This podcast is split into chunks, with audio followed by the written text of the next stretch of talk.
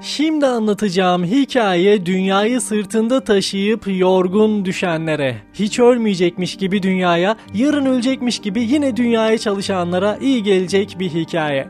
Bir gün bir doktora gerginlik ve tedirginlikten şikayetçi olan bir hasta gelmiş. Yapması gereken çok işinin bulunduğunu fakat kendisinin rahatsız, işlerinse beklemeye tahammülü olmadığını söylemiş.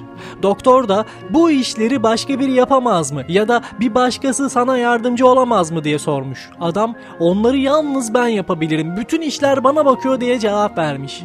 Doktor da sana bir reçete yazacağım bu reçeteyi aynen tatbik etmen gerekiyor diye yazarak eline vermiş. Adam reçeteyi eline alıp baktığında hayretler içinde kalmış çünkü reçetede her gün en az 2 saat işi bırakıp yürüyüş yapacaksın ve her haftanın yarım gününü bir mezarlıkta geçireceksin yazıyormuş.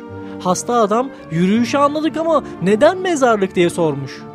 Doktor da cevaplamış. Oraya gidip mezar taşlarına bakmanı istiyorum. Mezarlıklar kendilerini vazgeçilmez sanan insanlarla doludur. Sen de onlar gibi ölüp mezarlığa gömülünce kendinden başkasının yapmasına imkan olmadığını zannettiğin işlerin başkaları tarafından da yapılmaya devam ettiğini göreceksin demiş. Evet bulundukları noktada kendilerini vazgeçilmez gören halbuki orada problem çözmek yerine problemin bir parçası olduğunun farkına varamayan insanlar için de doktorun reçetesi böyle geçerli. Aslında kendini bu hasta adam gibi gördüğü sürece herkes için geçerli bir reçete değerli dinleyenler ve hayatta her işi herkes yapabilir. Yeter ki istensin, yeter ki inanılsın.